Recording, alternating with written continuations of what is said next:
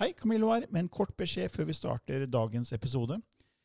Jeg har lyst til å gi deg eh, noen overraskelser som takk for at du er en trofast lytter av denne podkasten.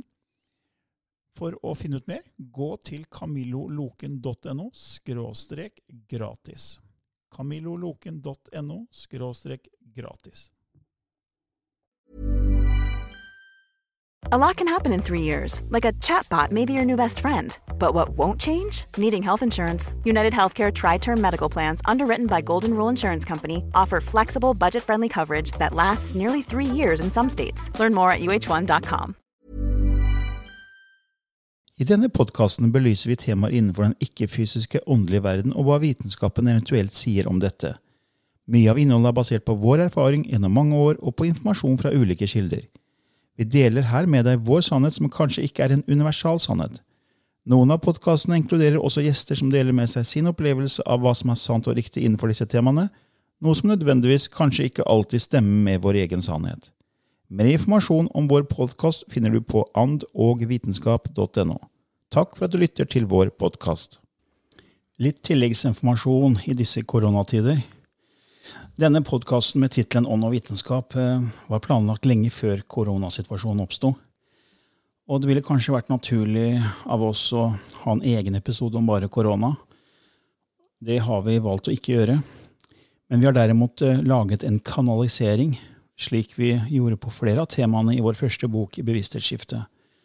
Og den kan du lytte til eh, hvis du går inn på vår nettside andogvitenskap.no.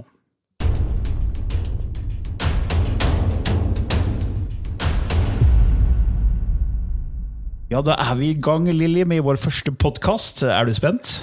Ja, for dette er litt nytt for meg, men jeg lener meg jo veldig på deg da, Camillo, så du får jo være den som forklarer disse mysterier, og så får jeg bare snakke litt om mine opplevelser.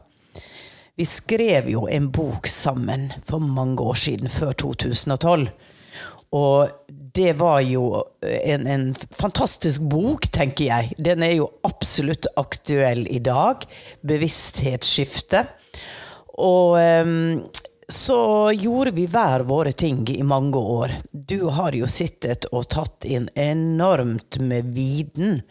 Mens jeg har vært ute og flaksa og gjort eh, det ene og det andre i den offentlige arenaen. Og um, så har vi nå blitt kobla sammen og kommet med en ny bok som kan virke provoserende på noen. Du er klarsynt. Men eh, det er også noe vi skal snakke nærmere om. Men akkurat i dag så har vi et spennende tema som jeg tror veldig, veldig mange er opptatt av og funderer på. Frem og tilbake. Skal vi se om vi blir litt mer klare ut ifra denne lille halvtimen her. Ja, Eh, så Som dere sikkert har skjønt, så er det Lilly Bendry som snakker, og jeg er Camillo Løken. Og Vi har jo kalt denne podkasten her for Ånd og vitenskap. Og Det er jo fordi Lilly er jo det på en måte eh, åndelige eh, alibiet. Eller åndelige, er, åndelige erfaringer. Og du har jo hatt mer enn 30 års erfaring med, med den åndelige, ikke-fysiske verden, mens jeg har jobbet mer med det du kan kalle broen mellom ånd og vitenskap i de siste 15 år. Så til sammen så har vi 45 års erfaring med den ikke-fysiske åndelige verden. Og vi syns det var et spennende, spennende, valg av navn. Å på en måte prøve å finne en bro mellom den ikke-fysiske verden og forankring inn i den fysiske verden. Og På hver episode så kommer Lilly til å kanalisere det som kalles lysspråket. Og Da kan man også hente denne kanaliseringen fra vår nettside andogvitenskap.no. Og Der kan du også sende inn forslag til temaer hvis du er interessert i denne podkasten og har lyst til at vi skal belyse et spirituelt tema eller et tema innenfor ånd og vitenskap, så send inn. Så Hvis det er mange som er interessert i det samme temaet, så kommer vi til å belyse det i vår podkast. Og da er det vel egentlig dags for vår første, første podkast-tema, som er 'Finnes det en Gud? Et paradis eller himmel?' og da også et helvete, er skapelsen tilfeldig eller ikke? Hva tenker du, Lilly? Mm. Ja, når jeg var liten, så lurte jeg fælt på dette her. På, på, på Vestlandet så var det, var det jo ymse meninger om dette her. Og det var jo fryktelig skremmende at det var et helvete hvor vi brant i evig tid. Og spesielt når jeg fikk høre at eh, om jeg var på dans på lørdag kveld når dommedag kom, så var ikke det tvil om hvor jeg havna. Og det var ikke logisk, for da tenkte jeg som så at eh, det, det, kan ikke være det at jeg danser som, som, som, er grunnen til at jeg skal gå i et evig helvete. Og evig helvete Det er jo så skremmende at jeg forstår at kirka har holdt det som en sånn der eh, halsbånd, hundebånd, på befolkninga. For de kunne jo lyse i bann, og det var ikke måte på. Men himmelen var jo egentlig like ille. For det hørtes jo fryktelig kjedelig ut å sitte i en rosenhage til evig tid. Det, det skjedde ikke, det var ikke noe action. Så, eh, så, det var også sånn merkverdig. Så jeg tenkte vel allerede som liten at det må jo være noe midt imellom. Um, og det slo jeg meg til ro med i mine unge år. Og etter hvert så har jeg jo hatt Fått lov å oppleve å snakke med de som eh, er over på den andre sida. Og ikke har jeg hørt noen snakke om helvete. Noen har nok snakka om paradisiske tilstander, men at det er en skapelse, en bevegelse. Så for meg ble det etter hvert klart som min sannhet at uh, Gud var ikke en mann med skjegg. Gud var alt som var i skapelsen, gikk gjennom skapelsen, var i meg, var i alt. En enorm intelligent kraft. En bevegelse. Og, og, det er jo vanskelig å finne jordiske ord på dette, men altet Gud var altet. Alt og ingenting. Alfa ja. og omega. Alfa og omega. Ja. Det som er interessant, er jo, hvis du skal se det fra forskningsperspektiv, da, ja. så så sier jo forskerne at alt starta med the big bang, og det var bare materie som oppsto. Og så etter milliarder av år, ca. 13,8 milliarder år, så er vi her. Ja. Jorda og mennesker som er bevisst. Og det betyr jo egentlig at materie har bare plutselig oppstått fra ingenting, og så skapt oss mennesker som er bevissthet. Så materie har skapt eh, oss levende, bevisste mennesker. Så noe dødt har skapt noe levende i min, mitt hode så er det noen som ikke henger på greip med akkurat det. Mm. Mm. Og før så var jo jeg ateist. Jeg var jo det i 40 år.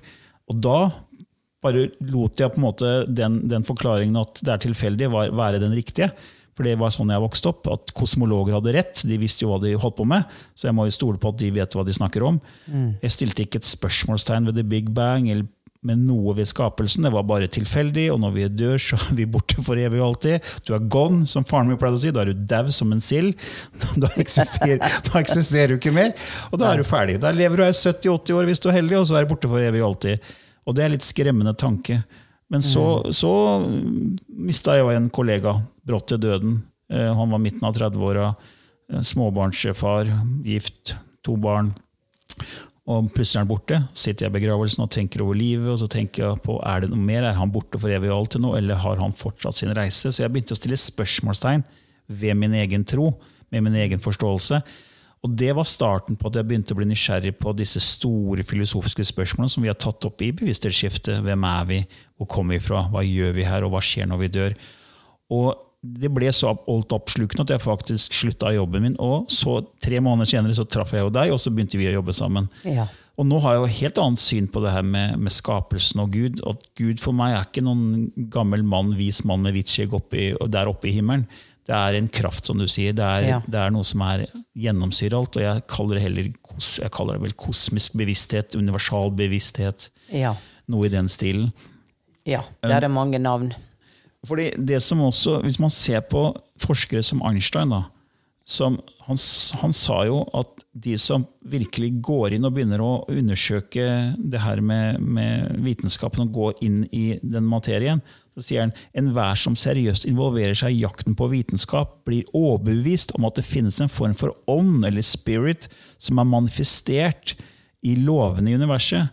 Og det er helt overlegent det av mennesket på den måten fører jakten på vitenskapen til en religiøs følelse av en spesiell art, som sikkert er ganske annerledes enn religiøsitet til noen som er mer naive. Så, så Einstein mm. selv mente jo at det var noe mer eh, i universet enn en det man på en måte tilsier øh, med hensyn til big bang og materie. At det var noe, noe intelligent som lå der. Og det samme jo sa jo Max Planck, som vi kaller for kvantefysikkens far, at øh, alle som har vært engasjert seriøst i vitenskapsarbeid av noe slag, innser at over inngangen til vitenskapens tempel, der står skrevet ordene 'dere må ha tro'. Det er en kvalitet som vitenskapsskapere som ikke, kan være foruten. Man må på en måte tro. Og da, når, vi, snakker om tro, da er vi på en måte vekk fra det vitenskapelige. Ja. For tro er jo rimelig abstrakt. Ja, men eh, da tenker jeg at eh, tro kommer ofte etter en opplevelse av noe som berører en. Noe som er med på å forandre en tilstand i ditt sinn. Og det var jo det som på en måte skjedde med meg, at en kraft strømma gjennom meg. Helt uforberedt, ikke noe planlagt. Det er jo min berømte, som jeg har skrevet om i fire bøker nå. Eh, en akapunkturnål som begynte å bygge bro mellom jord og himmel med det resultatet at fra å være ja, for så vidt troende på at noe var der, til å kjenne den krafta som jeg eh, grunnleggende forsto var noe vi alle har. Og at den er så mye større, eller kroppen vår, og den vi er, der er noe som strømmer gjennom oss. Hva var det som strømmer gjennom meg? En kjemisk prosess? Ja, selvfølgelig var det vel en kjemisk prosess, men samtidig så var det opplevelsen, følelsen, kjærligheten som strømmer gjennom. Denne her forståelsen av at det, det er noe større, det er noe mer, og nå har jeg blitt berørt av det. Så, og det ser jeg også gjennom de kursene jeg har hatt, at mennesker som opplever å bli berørt, de simpelthen de tror. Når noen sier at healing det er bare humbug, så sitter jeg og smiler og så tenker jeg ja ja, du skulle vært i min kropp når denne krafta strømma gjennom og hendene mine brant. Det var, det var veldig overraskende. Og, og det er Jeg tror det er der jeg tror naturfolk har mer opplevelser, hellige opplevelser, og kan mer være i pakt med den forståelsen at det er så mye mer, så mye større. Mm. Mens vi i den vestlige verdenen vi har avmystifisert eh, Den katolske kirka har jo mer mirakel eller vi har i vår kirke. Og opprettholder faktisk mer av det jeg kaller magien. Mm. Om hva de kaller det, det er én ting, men det var hvert en, eh, enkelt blir berørt av. Mm. Og selvfølgelig, når du har en sånn opplevelse, så kommer det jo også mange spørsmål. Hva er dette her eh, på det logiske planet? Og her er det jo at eh, jeg den gangen for 30 år siden begynte jo å lese litt og forske litt, og, og, og, hva, hva, og så kom jeg over kvantefysikk, og så var det det ene og det andre. Og så ja, ja, her er forklaringsmodeller, og de vil nok komme sterkere inn i bildet fremover. Og jeg begynte jo da å kommunisere med noen. Og da var det Kommuniserer jeg med Gud? Uh, kommuniserer jeg med en del av meg selv utenfor meg selv? Er jeg andre sted samtidig som jeg sitter her? Hva er alt dette her? Og det ble en lang reise hvor jeg gjennom personlig engasjement ved å lytte til de som snakker til meg, fra det, den åndelige verdenen, men også fra bare spytte ut, Lilly. Andre stjernesystem. Bling, bling, bling. Ja, andre stjernesystem. Camillo. Oh. ja. Så her er mye utenfor vår verden. Ja, ja. Men nå sporer jeg litt av, tror jeg. Ja, nei, det er, men det er klart, Du har jo hatt opplevelsen av disse energiene. Har, har også jeg, men ikke i den grad du har hatt. Men jeg har vært veldig opptatt av å finne er det forankring i forskningen, i vitenskapen. Og det, Jeg ser det som at det er, det er på en måte et ortodoks, konservativ vitenskapsmiljø som på en måte er sannhetsleverandør nummer én. For Før så var man mye mer i pakt med naturen, som du snakka om. Urbefolkningen fortsatt i dag har mye mer intuitive evnene i, i, i spill. Ja. De er mye mer kobla på, for å bruke det uttrykket. De har en veldig forståelse av samspill mellom menneske, natur og hele skapelsen. Og mayaene, som vi skrev om i Bevissthetsskiftet, de spådde jo at eh, den siste perioden i deres, eh, deres syklus, denne, disse 13 baktun, som den siste baktun som skulle vare fra 1600-tallet til, til da 2012, som ble et sånt spesielt år som alle trodde jorda skulle gå under, Ja. som vi bare sa var en symbolsk vekkerklokke. Der sier de at dette er, er tri egots triumf. Dette er materialismens triumf. Vi kommer til å glemme hvem vi er. Vi Ja. kommer til å miste, miste intuisjonen. Det blir veldig mye fokus på ego og materialisme og den ytre verden. Så jeg, jeg, vi er så opphengt i at alt er materie, at det er fysisk. Men du opplever det helt annerledes. Mm. Ja. Og, og, så, og så har man på en måte Så kom jo Darwin og egentlig Wallace, en som het Arthur Wallace, som egentlig har kommet lenger enn Darwin i evolusjonsteorien, men han var en fra arbeiderklassen, så Darwin på en måte tok æren av en del av hans arbeid. Eh, Ja. Det er sikkert noen som er interessert i kanskje det, så da kan jeg legge under link på And og vitenskap om det. andogvitenskap.no. Eh, Men darwinismen sier jo det at ting oppstår tilfeldig. Det er ikke styrt av noe guddommelighet. Det er ikke styrt av av en høyere kraft. Det er bare naturlig seleksjon. At, og bruker da uttrykket den overlevelsen av den, sterkeste overlever. Og, og Det ble jo veldig godt mottatt av aristokratiet, som ikke var i de kristne miljøene den gangen. Og Da hadde de plutselig et skikkelig verktøy og, og et, kall det et våpen imot kirken. Og så ble det en splittelse av kirken og av, av, de, av liksom de som var fokusert på vitenskapen. Ja. Men så har det jo kommet vitenskap etterpå, og den forskningsgrenen som heter er, eh, kvantifysikk, som du nevnte, der har man, ser man jo at det som stemmer i det som kalles Newton-fysikk, den ytre verden, den stemmer ikke i den lille verden av atomer. Og man begynner å skjønne at her kan det ligge en del svar.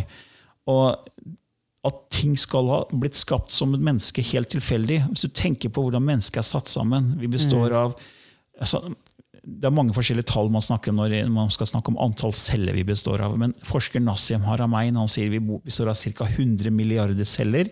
Ja. Og inni hver celle er det 100 milliarder atomer.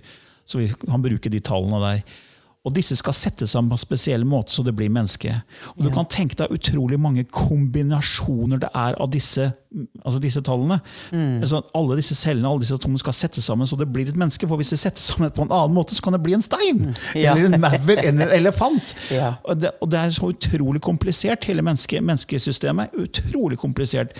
Og så har han matematisk vist at det så å si er umulig at vi kan ha kommet ut fra ingenting helt tilfeldig og blitt bevisste mennesker. Med matematiske beregninger.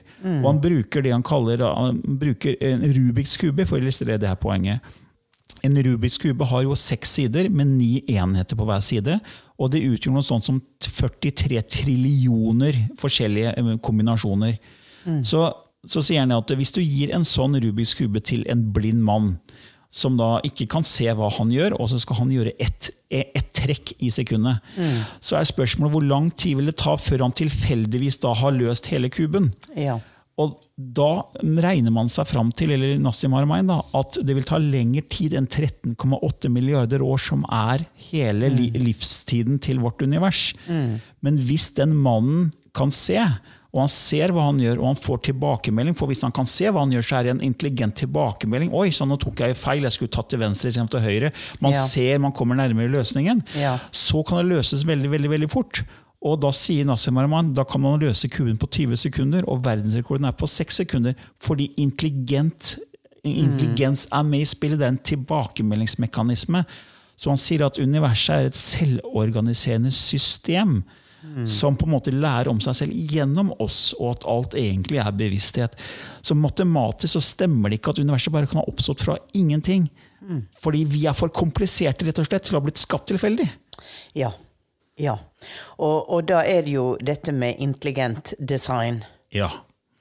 Og er Og hvem, hvem har skapt Ja, hvem, ikke sant? Er det noen hvem? Hvem har skapt den intelligente når? designet? Og så er det jo noen som sier at vi er et um, computerprogram.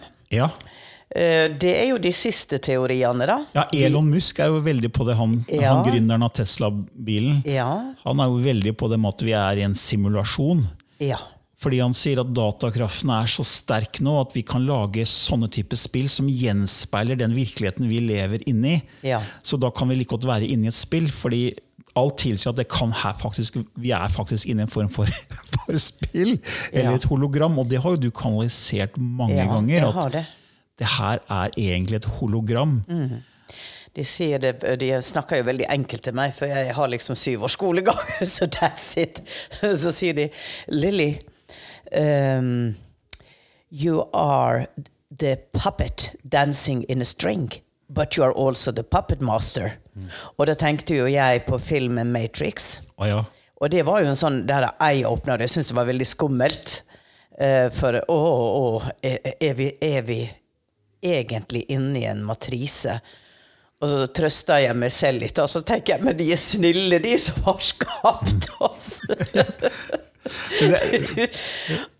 Men da er det jo men, men det er jo det han sier da, eh, Camillo, at um, denne Tesla-gründeren uh, Det er jo at det, i løpet av uh, kanskje 20 år så har vi skapt et type menneske med de, de oppskriftene som er tilgjengelige. For vi har, jo, vi har jo kopien, vi har jo oppskrifta.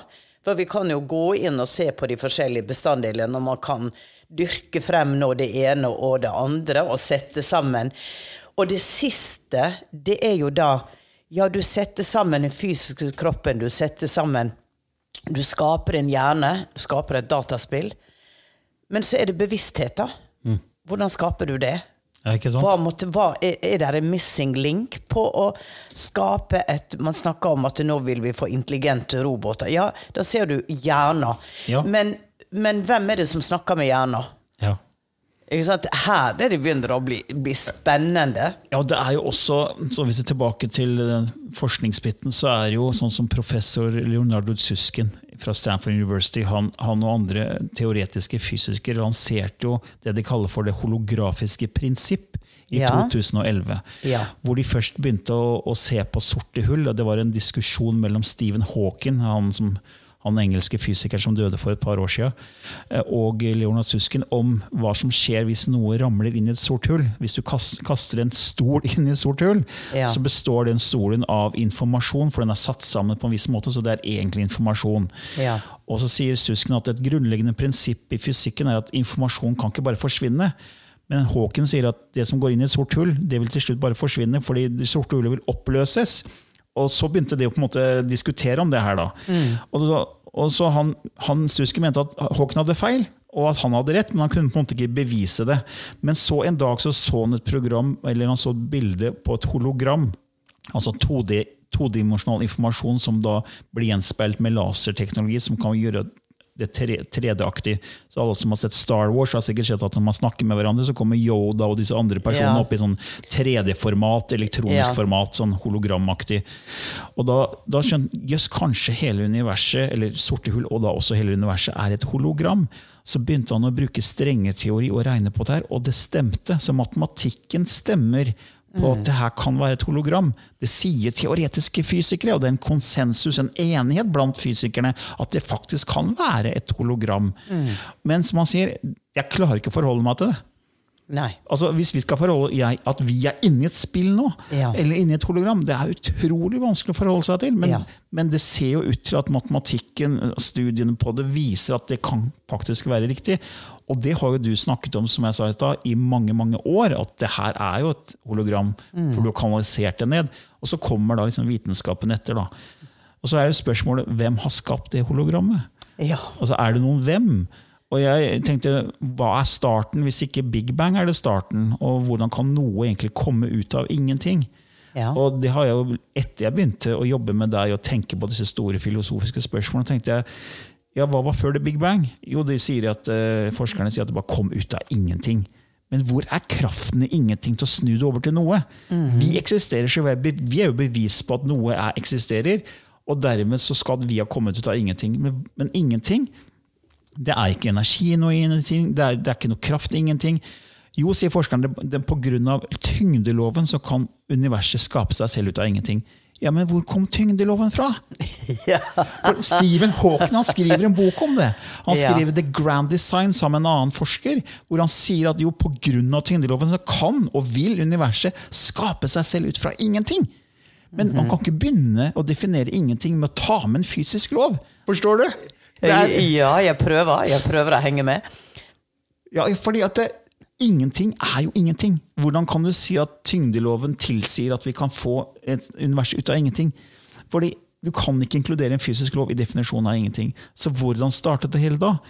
Hva om det aldri egentlig har starta? Det har alltid vært. Og når jeg Ja. skrev 'Skapelsens paradoks', en bok som jeg ble inspirert av å skrive fra en blikkenslager i England, Ja. eh, som heter Steve Berg, som for 25 år siden fikk se hele skapelsen i sakte film, og hadde prøvd å fortelle verden om dette, for han sitter jo på så mye informasjon. Han sendte jo informasjon til Stephen Hawking, han sendte til nær døden-opplevelsesforeninger, til aviser. og Ingen ville høre på ham, ingen gadd å svare engang. Og så fant han min engelske nettside One Mind One Energy, og så gikk han inn der og så så han bilde av meg. sånn, å ja, Han ser ut som jeg kan stole på.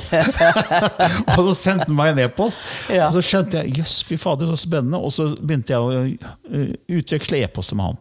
Ja. Og det har vi holdt på med i åtte år nå. Og Ja. etter 18 måneder så spurte jeg kan jeg få lov å skrive om det du snakker om. Ja, bare skriv det. Få det ut, så jeg skal ikke ha en krone. Bare få ut den informasjonen her. Og det gjorde jeg da. Og da fortalte meg at the big bang, det, det er noe som ikke stemmer. fordi hvis, hvis, hvis ikke vi finner starten på noe, eller hvis, hvis big bang er starten, hva var før the big bang? Ja. Og da sier han jo, hvis du finner det, så vil du spørre hva før the big bang igjen? Eller før det igjen, da? For Ja. log, logikken vil alltid prøve å finne det som er før starten av noe. Så sier han logikken innrømmer logisk sett at det som er opprinnelsen til noe, krever sin egen opprinnelse. Så alt du vil se, er en uendelig kaskade. Du vil aldri finne starten på, på skapelsen, sier han, fordi den bunner egentlig i magi. Logikken vil bare ta oss et visst stykke, og så får du ikke noe med svar. Nei. Og det er jo det det er, jo, det er jo det som er så utrolig. At man jobber med det her, og så begynner man å skjønne at du finner egentlig ikke svarene på starten av dette her. Nei. Det har jo vært det store spørsmålet for så mange. Og eh, ja. Men har du svaret, Camillo? Nei, altså, det, jeg har jo ikke, nei, jeg har ikke noe universalsvar, men jeg fant jo svar via Steve, Steve Berg, da, som fortalte meg se på ordet 'ingenting', sier han. Del det opp, så får du ingenting. Skapelsen kommer fra ingenting. Det kommer ikke fra noe konkret, for det er ikke noe ting enda. Det er no thing.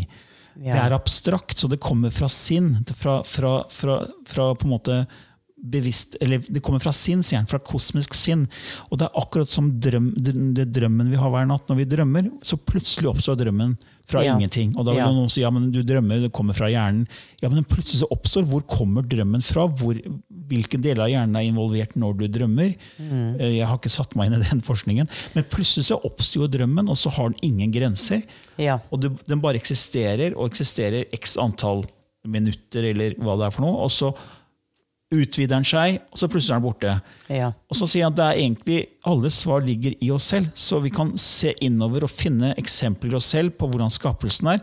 Så du sier at skapelsen er egentlig bare en drøm fra, fra noen andre, ikke noen andre, men, men et sinn som drømmer. da. Noen har drømt oss. Ja, er, Vi er på en måte inne i en drøm som passer da Ja. med hologramteorien, og, og at det her er på en måte eh, en form for spill. da. Ja. Ja, altså i, i, i sånne gamle sivilisasjoner så snakker de jo om the dream bearer. Um, and the awakened dream. Um, så, så det er også noe som jeg vet har kommet i mange av mine dikt og kanaliseringer. Så er det dette uh, And you are lost in your dream, and you have to awaken. Og awaken to what? Uh, dreamtime uh, sier jo urinnvånerne i Australia. Eh, They're living the dreamtime. Så det uttrykket blir mye brukt, og det er i grunnen en, en, en, en forklaringsmodell som kan funke, Ja, ja. rett og slett. Men hva tror nordmenn? Og Det er jo egentlig en undersøkelse som ble gjort av Kirken eh, og religion og livssynsforsknings eh, sånn undersøkelse av Institutt for kirke-, religions- og livs, livssynsforskning eh, i 2019, som viser at 27% av befolkningen tror at det finnes noe etter døden, men vet ikke hva. Og kun 5% tror på den tradisjonelle kristne lære om frelse og fortapelse. 6% tror at vi kommer til Gud og får leve hos Gud, og 3% tror på reinkarnasjon. Så det er, det er, det er fortsatt eh, Mange religioner har jo dette gudebegrepet. Det er faktisk de fleste religionene i Kristendommen har det. Du har islam. De to utgjør mer enn 50% av jordens religioner, som tror da på at Gud har skapt eh, dette universet. Da. Men så har du da vitenskapen som sier nei, det kom ut av ingenting. Ja. Og det, det er jo De lærde strides, og det, man, jeg tror ikke vi egentlig aldri kommer til å få svar. Eh, Det er jo bare, det her, Som vi glemte å si innledningsvis, er jo dette her det vi snakker om, er jo vår sannhet og våre betraktninger. Det er ikke noe universal sannhet vi kommer med her. Vi har, vi har bare lyst til å dele vår erfaring med, med andre om, om disse temaene, for det er temaer du og jeg brenner for. Så det her er jo ikke noen universal sannhet, så jeg håper ikke noen arresterer oss for at vi, vi uttaler oss om både det ene og andre. Nei, men det som er interessant, er jo at gjennom alle de åra jeg har vært inne i disse feltene, så ser jeg jo interesser, spørsmåla, som, som folk bærer på da, og som eh, de er opptatt av, i hvert fall de som søker det litt utenfor allfarvei. De kaller det den alternative verden. Vi er alternative. Alternativ til hva? Men, eh, men jeg føler det at det her er akkurat gjennom vitenskapen så begynner ting å henge litt mer på greip. Ja. For vi får forklaringsmodeller. Og når vi får det såkalt vitenskapelig presentert, sånn som dette med strengeteori og, og, og kvantifysikk, som vi senere skal komme mer inn på, eh, så, så blir det ting som klikker i hodet vårt. At å ja, å ja, kan det være sånn? Å ja. Og jeg kan jeg ha en opplevelse av at eh, jeg sitter her på en stol, og så er jeg et helt annet sted. Jeg deler meg i to. For at jeg er like klar på den Lilly som er et helt annet sted, såkalt reise ut av kroppen min, uten at jeg føler at jeg, jeg er med på den reisen. Jeg plutselig bare er et annet sted, samtidig som jeg sitter i en stol i en stue og vet at jeg er her. Men der jeg reiser, jeg er like virkelig der. Og, og kan jeg dele meg i to? Kan jeg være to steder samtidig? For det ene er jo virkelig det er den stolen i den stua jeg er i. Men den andre, da? Er det en drøm? Er det en hallusinasjon? Er det noe jeg tenker? Og så er det så annerledes, så jeg vet at det er ikke noe jeg tenker, for det kommer som om jeg blir satt rett inn i en film. Og det er så virkelig med følelser og uh, i det hele tatt. På samme måte som du kan gå i hypnose eller en regresjon og oppleve tidligere liv. Så denne splittelsen Jeg er her, og jeg er på et annet planetsystem. Jeg ser meg selv, jeg ser barna mine. Alt er veldig overraskende av det jeg ser og opplever. Så jeg, tenk, det, jeg har ikke tenkt det. Det skjer meg. Så, okay. så i din verden så er det man kan kalle Gud reelt. Det er en kraft, det er, Ja. det er bevissthet som ligger til grunn for alt. Ja. Ja, Det er vel den konklusjonen jeg også har kommet til etter å ha holdt på med det her. Viten, så langt jeg har klart å finne vitenskapelig dokumentasjon, men det er jo ikke overbevisende, etterprøvbare eh, måte, studier på det. Det er, det er litt sånn som Nassim Haramein og det her med, med, med matematiske beregninger, eh, holografiske prinsipp. Så vi har jo ikke noe fasitsvar. Nei, men vi er i, eh, vi er i siget. Ja. Ikke sant? Tematikken føler jeg eh, kommer mer og mer frem. Og jeg leste en artikkel nå at det, det som det blir forska veldig veldig mye på, hva er bevissthet? Og når de sier at lufta er ikke tom, den er fylt av noe. Hva er den fylt av noe? Og så kaller de det eter.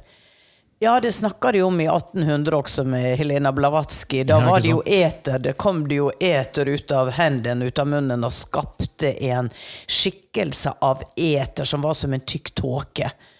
Og så når vitenskapen nå sier at det, er det som er i lufta, er eter hmm, Interessant. Mm. Og eter, er det det samme som bevissthet? Eh, Ja, vi, vi skal snakke om bevissthet eh, og energier og frekvenser. Og sånn i, en, i, en- i en annen podkast. Jeg at tida går veldig fort. ja, her, er vi har bare så vidt begynt. Ja, Men, men det, ja. Du skal jo snart nå kanalisere det vi kaller lysspråket. ja. Som er et språk du fikk inn for en del år tilbake. og Så kan du si litt om det før du gjør det. Men jeg tenkte før vi skal eh, Ja, faktisk. Nei, vet du hva? Vi, vi tar en li- liten spirituell vits, vi nå. Vi Ja. bryter opp litt og tar en liten vits før du kanaliserer. Okay. Eh, Vi skal gjøre det på noen av disse episodene her. Eh, Det er ikke sikkert den her faller i smak hos alle, men eh, så bare bear with me. Du har ikke hørt den, Nei, jeg har ikke hørt den. Og den handler jo egentlig om Gud, da. Så det er en lærer eller læ- lærerinne som underviser i spiritualitet og i ja, det her med Gud og himmelen, som spør under klassen sin hvilken del av den spirituelle kroppen tror du kommer først til himmelen. Og da er det lille Anne rekker opp hånden og sier frøken, frøken, jeg tror det er hendene som kommer først til himmelen. Hvorfor det, da, sier, frøken, sier læreren. Jo, fordi vi folder hendene, så peker de opp mot himmelen, så strekker vi på en måte armene opp, og da kan Gud komme ned og ta tak i oss og trekke oss inn i himmelen med hendene først. Nei, men Det var et fint svar, sier læreren, mektig imponert over Annes, Annes svar. Og så er det en annen liten gutt i klassen som sier frøken, frøken, jeg tror, jeg tror egentlig Anne tar feil. Jeg tror det er beina som kommer først. Hvorfor det da, Jonas? sier, sier eh, frøken. Jo, fordi i går så gikk jeg inn på soverommet til mamma og pappa, og der lå mamma med beina først opp i været, og så, så ropte hun 'Å Gud, å Gud, jeg kommer'. Men heldigvis så lå pappa oppå henne, så hun ikke forsvant. Den må ta med en liten latter for. Eller Ja, det, Noen kanskje syntes det var på kanten, andre syntes han var altfor alt for lite tøff. For lite på kanten. For lite på kanten. Men ja, altså, jeg fant den vitsen og handla om Gud. tenkte jeg, Den fletter vi inn her i den podcasten her. På sengekanten. Ja. Men, Lili, men nå, skal vi, nå skal vi over til det vi kaller lysspråket, som du skal kanalisere på hver eneste episode. Ja. Og det er jo et språk, eh, ikke et jordelig språk, men kall det et universalspråk, som du begynte å ta inn når vi reiste rundt og, og jobba med bevissthetsskift, så kom det inn, men du kom jo inn faktisk før det, i Mexico. Nei, i Sedona. I Sedona var det. Ja, det var der jeg lasta det ned, for å si det sånn, første gang i en spesiell opplevelse hvor vi var ute ved et hellig fjell. En gruppe fra Norge hadde en, eh, hadde en indianer som en sjaman som underviste oss, David Singing Bear. Og mens jeg står der, så kjenner jeg jo en voldsom kraft begynner å gå gjennom meg. og det, den er litt spesiell når den kommer, den krafta, for med den medfølger det at jeg begynner å kanalisere og snakke, som regel da på engelsk. Så kommer det messages from uh, forskjellige som jeg da er i kontakt med. Men, men det passer jo ikke at vi sto der, og denne sjamanen hadde jo liksom Det var han som skulle styre og stelle. Men han merka at noe skjedde, så han kom bort til meg, la hånda på ryggen min, og så sa han ikke OK, Lilly. Og så hører jeg, eller kjenner, at ord begynner å komme. Men det er ingen kjente ord. Det er totalt fremmedspråk. Veldig merkelig, veldig gutteralt, veldig rart. Men følelsesmessig for meg var det så sterkt. Og jeg skjønte at det, dette er noe dypt gripende som kommer igjennom her. Forsto ingenting. Kommer ut av denne tilstanden. Og David sier jo 'downloaded from the star nation', Lilly. Du lasta ned fra stjernenasjonen. De tror jo veldig på at de er fra stjernefolket. Og det var jo på en måte alt vi forsto sånn til å begynne med, og jeg fant ingen referanseramme på det. Og det jeg tenkte på, var tungetale. Det hørtes litt ut som tungetale. Og jeg visste det at det, det skulle brukes til noe, eh, men ikke, ikke sånn i en oppskrift at hva det var. Så det var først når vi skulle ha vår første eh, eller en av de første eh, opptredenene eller foredragene på Alternativ messe. Det var vel 600-700 mennesker i salen. Hvor du snakka om bevissthetsskifte, og jeg skulle liksom kanalisere til slutt på engelsk message. Og jeg begynner å snakke engelsk, og så kjenner jeg at dette andre rare språket begynner å komme inn. Og ble jo litt sånn de, Dette høres helt speisa ut. Og prøvde å holde det egentlig tilbake, men det var bare å glemme. For det kom gjennom. Men det interessante var reaksjonen til veldig mange i publikum. Som noen begynte å gråte, noen begynte å sk- skjelve, riste. Noen sa det var som å komme hjem, og hjertet mitt bare sprenges. Og en sa jeg hadde vondt i skuldra når jeg kom inn, og etter du snakka dette språket, så forsvant det vondt. Så det var merkelige reaksjoner. Og da forsto jeg det at det berører noe. Dette, her, er- dette, dette er et healingsspråk. Og dette er et språk som åpner opp bevissthet. Og eh, Så vi skal, vi skal legge ut Vi har jo Ja. en side som, eh, Vi hvor vi skal forklare litt mer om dette. Men sånn at dere er litt forberedt til det som nå kommer. Det var ett språk til å begynne med. Nå snakker jeg fire-fem. Og um, Vi kommer til å legge ut det Lilly skal kanalisere her nå, på andogvitenskap.no. og Der kan du lese mye mer om livspråket. Du kan laste ned en, en egen e-bok om det. Det er videoer der. Så det er bare å gå inn på andogvitenskap.no etter Lilly er ferdig og kanalisert og vi er ferdig med denne podkasten. Da finner du mye mer informasjon om det Lilly, ja. Snakker om nå. ja. Da bare bruker jeg et bitte lite minutt på å koble meg på. Så Lilly går litt i transe da. Ja, jeg går i en lettere transe. Ok.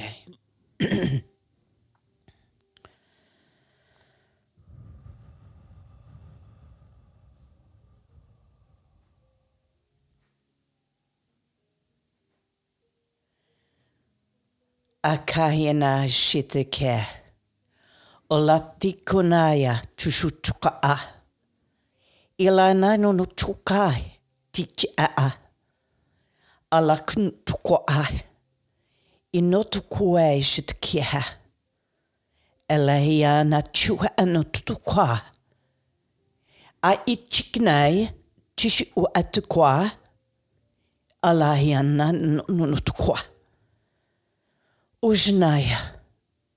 E teki ana shika. Ula tekehana. I junah. A chikwa anaya tichikwa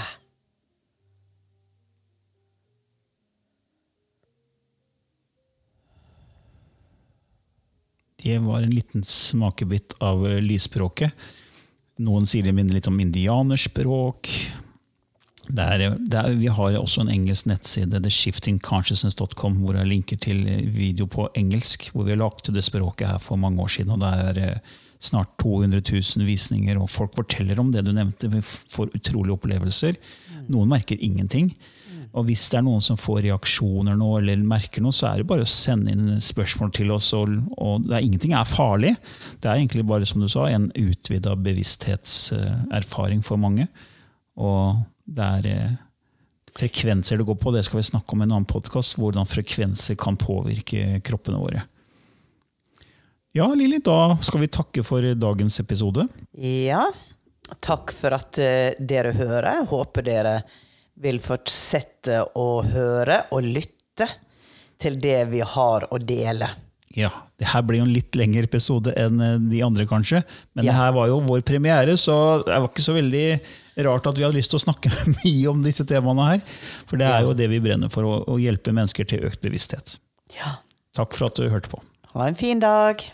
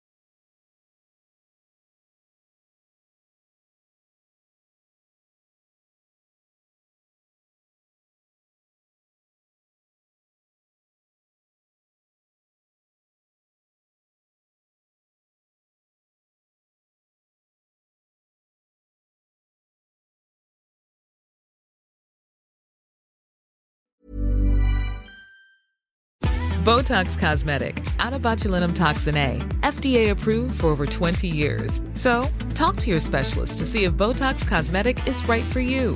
For full prescribing information, including boxed warning, visit BotoxCosmetic.com or call 877-351-0300. Remember to ask for Botox Cosmetic by name. To see for yourself and learn more, visit BotoxCosmetic.com. That's BotoxCosmetic.com.